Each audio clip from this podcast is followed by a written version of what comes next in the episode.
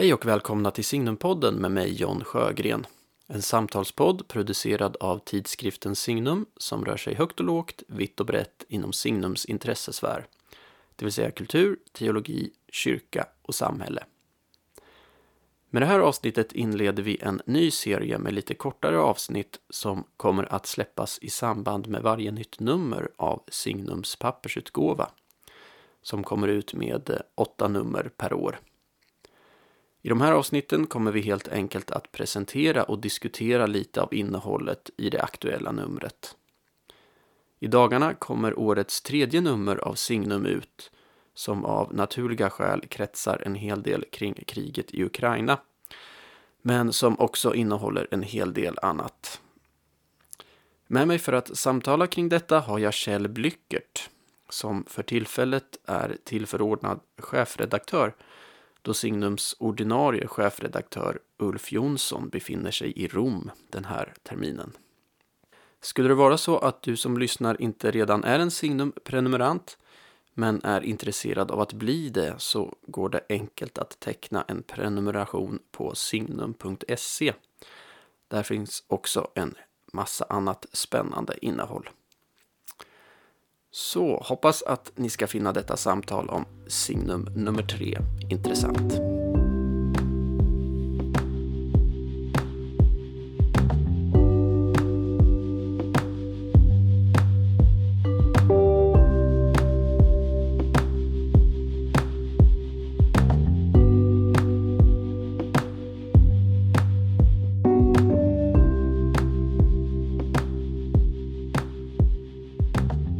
Välkommen till Signumpodden, Kjell Blyckert. Tackar. Eh, vi konstaterade här innan vi började spela in att du har en väldigt lång Signum-historia. Du kunde inte riktigt komma ihåg när du började arbeta med Signum. Nej, och det är nog allvarligt menat. Jag tror att jag kommer ihåg den första recensionen jag skrev och det var eh, om Elizabeth Johnsons bok eh, She Who Is. Men det kan sträcka sig längre tillbaks också. Så att, men det är väl slutet av 90-talet, början av 2000-talet. Mm. Som jag började skriva, kom sen med i redaktionskommittén och så småningom i redaktionen. Vilket var väldigt roligt tillsammans på den tiden med, med Astrid Söderberg Widding. Just det, du är mer rektor på Stockholms universitet. Ja. Jag tror att den eh, som har varit med längst som är aktiv nu är fader Anders Piltz. Det stämmer ja. Han mm. var väl med innan Signum fanns höll jag på att säga. Just det, när det var Credo fortfarande. Precis. Just det. Men nu ska vi fokusera på det nya numret som kommer här eh, alldeles i dagarna. Nummer tre är det va? Ja, det stämmer. Eh, och det har ju av naturliga skäl blivit lite av ett Ukraina-nummer. Ja, det var ju inte ett nummer som vi planerade. Även om det här med Ukraina och Ryssland är, är någonting som har... Ja, det är ju en lång uppmarsch till hela den problematiken. Så var det ju ingenting som vi alls hade fokuserat faktiskt. Eh, inte mer än att det hade råkat komma in en bok som, hette, eller som heter Rysk kultur under tusen år och så funderade vi på den här borde vi ju absolut recensera. Mm. Per-Arne Bodin skriver ju alltid intressant och sen så la vi ut den för recension. Och sen så så kommer situationen att bli helt annorlunda då mm. än vad vi hade tänkt. Vi hade väl kanske ursprungligen tänkt, i alla fall jag då, eh, hade väl tänkt att man borde kanske fokusera Folkhälsomyndigheten var ju precis mm, i mm. samma vecka där som de hade sin stora presskonferens och, och släppte betänkandet, slutbetänkandet för, från, från detta. Och det hade ju varit väldigt mycket i fokus nu. Det har ju helt och hållet sjunkit undan hela den diskussionen. Visst, det är så intressant hur, hur mediarapportering kan Ja, och, det, och förmodligen är, finns det väl andra frågor också som har fått sjunka undan här nu ja, och som ja, ja. vi behöver plocka upp igen här. Visst. Eh, när vi nu eh, liksom åt, ja, vi kommer vi knappast återvända till, till en normalitet nu för det är ju en jordbävning som har skett, mm. säger ju många eh, seriösa diplomatiska eh, bedömare. Men vi kommer väl ändå återvända till våra vanliga frågor eh, vad det lider. Visst. Men du har ju då också skrivit ledaren eh, för det här numret som, som ju handlar om Ukraina-krisen då. Och eh, det är en väldigt bra ledare tycker jag. Det, du börjar med att konstatera där att det, det är ett, ett krig mot Europa som, som vi ser. Ja, så är det väl. Och, och de flesta betraktar väl eh, den här händelsen som eh, en viss president i, i, Ryssland säger då. Mm. Eh, som en jordbävning och, och, och, som någonting som skakar om oss. Vi ser vad som händer i, Tyskland nu här. Vi ser vad som händer i Sverige här. Vi ser vad som händer i, i alla de europeiska länderna. Men framförallt då Eh, det här som statsministern sa då, ett oprovocerat, olagligt och, oförsvarligt krig. Det var ju mm. Eh, mitt i prick. En del andra saker kanske vi kan ha olika uppfattningar om mm, mm. Eh, vad hon har sagt. Men, men det är ändå väldigt klara och tydliga ord tycker jag från vår statsledning som, som, som, som är väldigt bra. Det är ju så att jag menar, Signum har en lång pressläggningstid och vi kan ju inte vara högaktuella och dagsaktuella i papperstidningen. Det försöker vi ju vara eh, då på hemsidan. Här får man ju då försöka ta lite grann ett steg tillbaka och fundera över vad betyder det här på sikt. Mm. Givetvis också vädra den upprördhet som vi alla har. Den ibland Just. nästan okontrollerade upprördhet som man har. Ja. Det kunde man ju se på president Biden här som har blivit eh, eh, Förlåt mig. Eh, Jo, president Biden ja, ja, i, i, i, i, Polen var det Han har blivit kritiserad för, för, sitt nästan känslomässiga uttalande. Men jag tror att det kommer att gå till historien som, som ett fast moraliskt budskap. Jag tror mm. inte alls att det här var oöverlagt. Även om det möjligen var spontant. Men jag, jag tror att det, det krävs sådana här fasta, klara och tydliga uttalanden. Mm. Eh, vi har länge gått som katten kring het gröt här tror jag och försökt med diplomatins alla medel, vilket ju är helt legitimt och helt rimligt, mm. att undvika eh, att det som nu sker ska ske. Mm. Skulle ske. Men här får man ju då ta ett steg tillbaka och det som slog mig var ju då det som blir temat här. Ja. Den, eh, den, har ju rubriken Europas två lungor och det som är temat här är ju att återknyta till Johannes Paulus den andres eh, gamla vision. Mm. Eh, och, och, jag tycker att, att det blev så, så talande här om, om, om hans stora plädering för att vi måste andas med två lungor. Just. Öst och väst måste höra ihop för att kunna skapa en, en gemensam europeisk kultur. Ofta är det ju så eh, att när vi talar om Europa så menar vi instinktivt Västeuropa. Mm om man i många sammanhang eh, talar om europeiska problem så är det oftast kanske till och med bara problemen i EU men oftast då i väst, syd och Nordeuropa. Och mm. man tänker inte spontant att, eh, att Östeuropa, den, eh, den, ortodoxa kulturen om man så säger, är en, eh, en del av det som är Europa. Mm.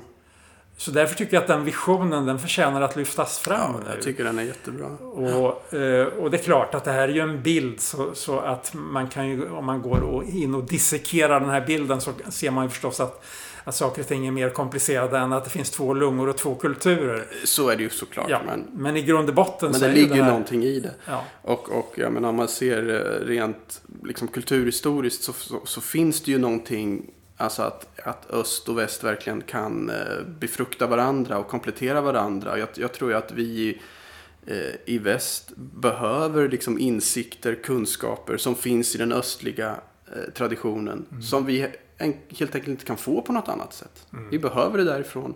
Mm. Och de behöver insikter som finns i vår tradition. så att säga. Vi, vi mm. behöver varandra, tror jag verkligen. Mm. Man kan ju se det då också, du går ju in lite då historiskt också. Alltså att Johannes Paulus den andra menar att det fanns ju ett grundproblem i, i öst och väst som var likartat. Alltså han, han pekade ju på materialismen. Mm. Alltså, och du, du skriver det här att liksom de här spänningarna vi kan se nu i, i den här liksom ryska imperialismen. Alltså att det är i viss mån en slags reaktion på kanske att vi i väst har varit för triumfatoriska, eller ska jag säga, eller, eller närmast någon slags liksom kultur och konsumtionsimperialism. Mm. Eh, och att måste vi i väst också se vår egen skuld i det här vi har. På, på ett sätt har vi fött eh, monstret. Ja, eh, kanske det. Samtidigt så tycker jag då att vår krönikör här. eh, Vi kan läsa samman de här texterna. Vi hade Ja. ju... eh, Det var ju verkligen försynens underbara skickelse här. Att vi i början på året, innan vi visste eh, någonting om vad som skulle hända, så hade vi för nummer tre just kontrakterat Robert Rydberg. Som ju är utrikesministerns närmaste medarbetare, kabinettssekreterare, förutvarande ambassadör i Rom och, och, och en mycket aktad diplomat. Och han ville väldigt gärna skriva för oss. Och sen råkade det då bli ett eh, Ukraina-nummer då. Och, och i och sin egen reflektion då så, så knyter han ju an till detta förstås. Och det som jag tycker är väldigt bra hos honom här eh, det är när han mot slutet av sin krönika så säger han så här. I fastetidens anda ska vi förstås också rikta blicken inåt. Det finns en mea culpa. Men inte så att vi ska ägna oss åt kålsuparteorier. Det onda är ovanligt svartvitt. Mm. Det tillhör Putin. Mm. Men samtidigt, och sen återvänder han till de här frågorna som Mm. du vill lyfta här då. Har vi då i väst gjort tillräckligt för att förhindra det här? Har vi varit tillräckligt klarsynta? Har vi då gjort allt som krävs för att befria våra egna samhällen från Mm. eh, problem eh, av olika slag? Girighet, enkla svar, lögnens makt och så vidare. Just. Och eh, jag var väldigt glad när, när vi fick in den här krönikan för jag, jag såg direkt här att, att, att vi knyter an till varandra här. Ja. Eh, för han gör ju också där här och, och, och pekar ju i förlängningen av sitt resonemang på den här problematiken som eh, som ju Johannes Paulus den så väl lyfter fram om Mm. materialismen och, och som ju framförallt här hos oss nu eh, blir så klar och tydlig när vi, eh, när vi ser miljöfrågan framför oss, när vi ser klimatfrågan framför Visst. oss. Visst. Att det då är vår ohejdade eh, konsumism och materialism Mm. som i grund och botten är orsaken. Mm. Eh, och det är väl de flesta i vetenskapssamhället överens om. Att det är detta som är orsaken Visst. eh, till den, eh, den fråga som är, till och med större än, än det här kriget Mm. som vi nu ser framför oss. Ja, precis. Så det kan bli lätt att man hamnar i någon slags... Igen i det, det goda väst och det onda öst, så att säga. Eh, Ja, men, men det som Johannes Paulus den andra gjorde så bra, att vi säger, men i grunden så lider vi av samma sjuka, så att säga. Ja. Eller Den här materialistiska sjukan. ja, Som tar olika uttryck såklart genom, i form av olika politiska system och ekonomiska system och så vidare. Men i grunden är det samma sjuka. ja. Mm. Men du nämnde Per-Arne Bodin också, eh, hans bok. Ja. Vi, vi får ju också ett utdrag ur den boken i Ja. det här numret. Det är väldigt värdefullt. Det var som en av våra medarbetare sa när, när han läste det här första eh, kapitlet i Per Arnes bok. Eh, att det kändes som profetiskt, som att han hade Mm. skrivit det eh, för den här tiden. Mm.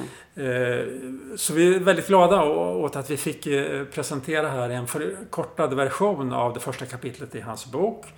Och vi har gett rubriken Vladimir i Moskva som är kortligen en, en bakgrund till Vladimir-kulten. Och då menar vi Mm. inte kulten av Putin. Vladimir Putin. Det är lustigt här att, att, att både presidenterna i, i, eh, i Ryssland och Ukraina bär detta namn. Mm. Det här är, är ju en, en sorts ikonisk gestalt. Som ju Putin anknyter till i väldigt hög grad. Mycket klart och tydligt. Mm. Ja. Och, och inte minst, och det visar ju Per-Arne i sin artikel här med de här stora statyinvigningarna. Inte minst den här som var nu 2014 om, om jag minns rätt i, i Moskva. Där man ju inviger en gigantisk, eh, jag höll på att säga gigantiskt ful, eh, eh, kolossal staty i, i betong då med patriarken välsignande och, och, och så. Och knyter an till, till den här ryska imperietraditionen. Det är ju för övrigt märkligt att, att en ortodox patriark kan inviga en staty. Det gör man ju aldrig i den ortodoxa kyrkan. Man har Ja, ju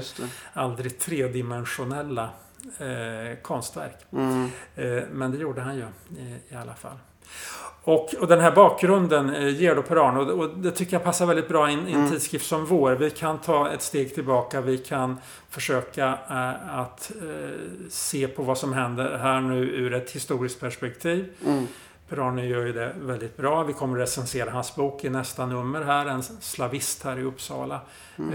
kommer att göra detta. Mm. Den har fått en del uppmärksamhet redan i dagspress. Och... Ja, det var ju en fin recension av Per-Arnes bok i, ja. i, Svenska Dagbladet här. Ja. Och den har ju uppmärksammats på andra håll också. Ja.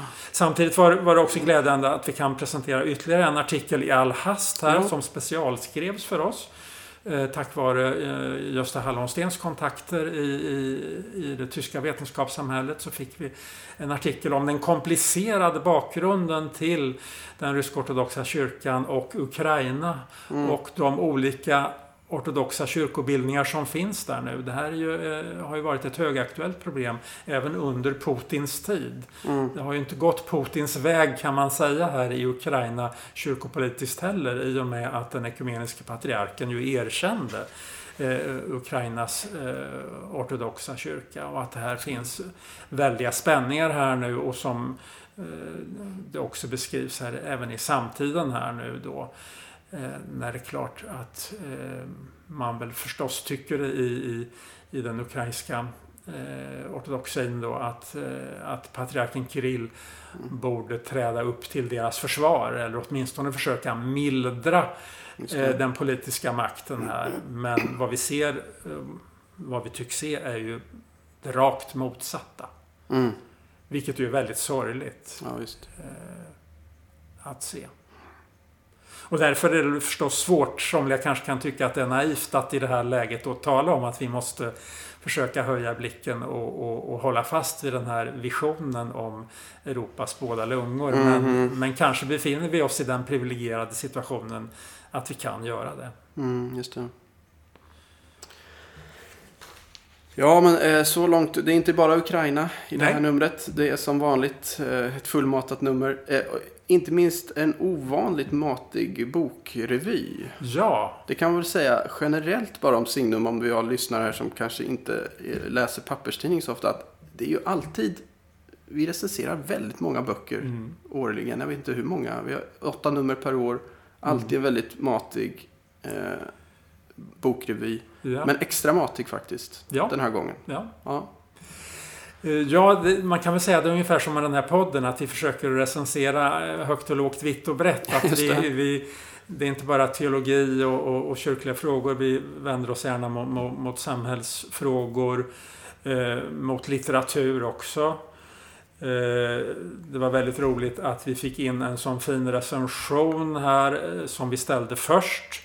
Eh, nämligen Henrik Sahl Johanssons recension eh, av eh, Lars Anderssons Jordens ansikte. Mm. Eh, han debuterar ju här nu som eh, lyriker mm. och Henrik skriver väldigt fint om, om den, den boken. Jag är själv väldigt fascinerad över den. Han utgår från Rosenkransen, du säger så? Ja, han mm. utgår från Rosenkransen och, och Veckans dagar. Och, det är en... Jag rekommenderar er alla. Ja. Jag, jag blir, det nästan stockar sig här ja, hos mig för att det är en sån fantastisk bok.